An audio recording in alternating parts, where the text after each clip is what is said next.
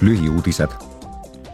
Euroopa Parlamendi viimane täiskogu keskendus kliimamuutustele ja keskkonnakaitsele.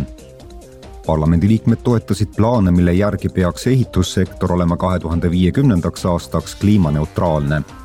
täiskogu võttis vastu oma seisukoha eelnõu osas, mis hoogustab renoveerimist ning vähendab energiatarbimist ja kasvuhoonegaaside heidet kõik uusehitised peaksid olema kahe tuhande kahekümne kaheksandast aastast heitevabad ja kõik eluhooned peaksid kahe tuhande kolmekümne kolmandaks aastaks olema energiatõhususe skaalal A-st kuni G-ni vähemalt klassis D. riiklikud renoveerimistoetused ja muud rahastamisvõimalused tuleb muuta inimestele kättesaadavamaks. parlament peab nüüd läbirääkimisi nõukoguga, et leppida kokku eelnõu lõplikus tekstis parlament võttis vastu ka õigusakti, millega suurendatakse Euroopa Liidu maakasutus- ja metsandussektori CO2 sidumise eesmärki viieteistkümne protsendi võrra. seega peaks liidu kasvuhoonegaaside heide vähenema kahe tuhande kolmekümnendaks aastaks tuhande üheksasaja üheksakümnenda aastaga võrreldes kuni viiskümmend seitse protsenti õigusaktis, mille nõukogu peaks ametlikult heaks kiitma, nähakse liikmesriikidele ette siduvad eesmärgid kahe tuhande kolmekümnendaks aastaks täiskogu arutas Euroopa kodanikualgatust Päästke mesilased ja põllumajandustootjad.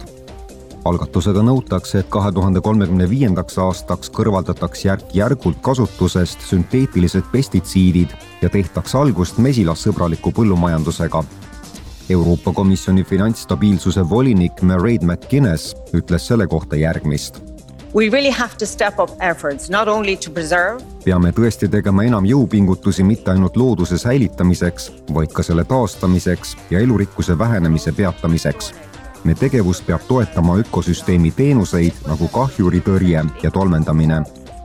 Euroopa kodanikud ootavad meilt tulemusi ja olulisi edusamme kestlikkusele üleminekul kodanikualgatus juhib ka tähelepanu väga olulistele küsimustele selle kohta, mil viisil saaksid põllumajandustootjad üleminekul keskkonnasäästlikumale põllumajandusele kaasa aidata.